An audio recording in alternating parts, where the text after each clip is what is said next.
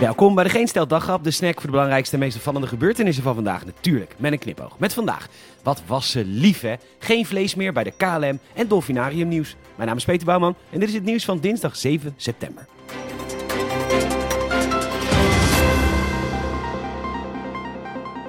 Wat was Kaag toch weer lief tegen Rutte hè, gisteren?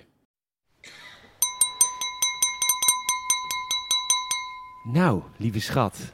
ehm, we zijn nu al 174 dagen samen en ik moet zeggen, ik vind je lief. Ehm, ik ben zo gelukkig samen. Moet ik wel zeggen, je bent natuurlijk wel een ritselaar zonder visie, hè? En, eh, en je hebt eigenlijk alleen talent om koffie te drinken. En je speelt binnenkamer spelletjes met partijpolitieke emotie. Relaties managen is eigenlijk het enige wat je kan. Politiek is voor jou een doel op zich en geen middel. En de samenleving, heel eerlijk, die gaat daar de hoogste prijs voor betalen. Met je teringbek. Dus, wil je met me trouwen?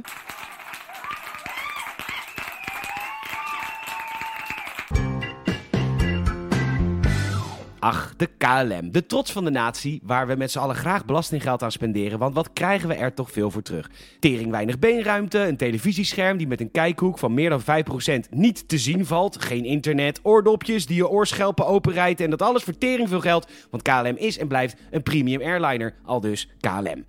Maar goed, ze gaan dus stoppen met het aanbieden van vlees in de economy class. Want vlees eten is moord, natuurlijk. Bovendien hebben ze het al zo druk met verschillende maaltijden vanwege verschillende geloven, allergieën, lacto, ovo, vegetariërs, pescotariërs, polotariërs, AVGetariërs. Nou ja, ze zien door het boom het bos niet meer. Maar waarom gaan ze dit doen? Gelukkig hebben ze bij de Telegraaf een luchtvaartverslaggever. Ja, ze bestaan. Ze heet Iteke de Jong en zij is geen vegetariër, vermoed ik. Moet ze dagelijks wel heel veel kilo's quinoa eten. Love Iteke trouwens. Niemand spreekt de zin, al dat eten zit gewoon in dezelfde trolley hoor, uit als Iteke.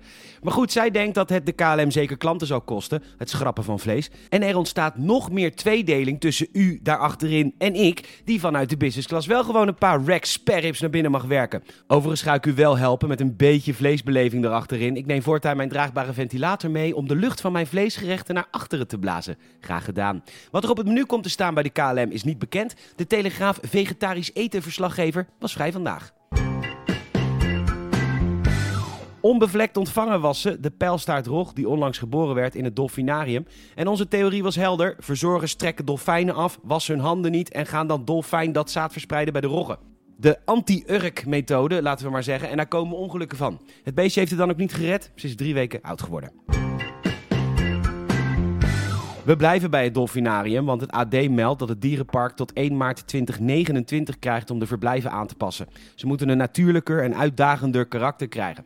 Sommige bassins moeten dieper en ruimer en ook moeten er extra zwembaden gebouwd worden. Ook gaan de stuntshows uit het assortiment. Daarnaast zullen acht dolfijnen en twee Californische zeeleeuwen verhuizen naar Hainan Ocean Paradise in China, wat inderdaad een paradijs is voor de bezoekers, die de dolfijnen daar lekker in actie gaan zien onder het genot van haaienvinnensoep en gebakken mantarog.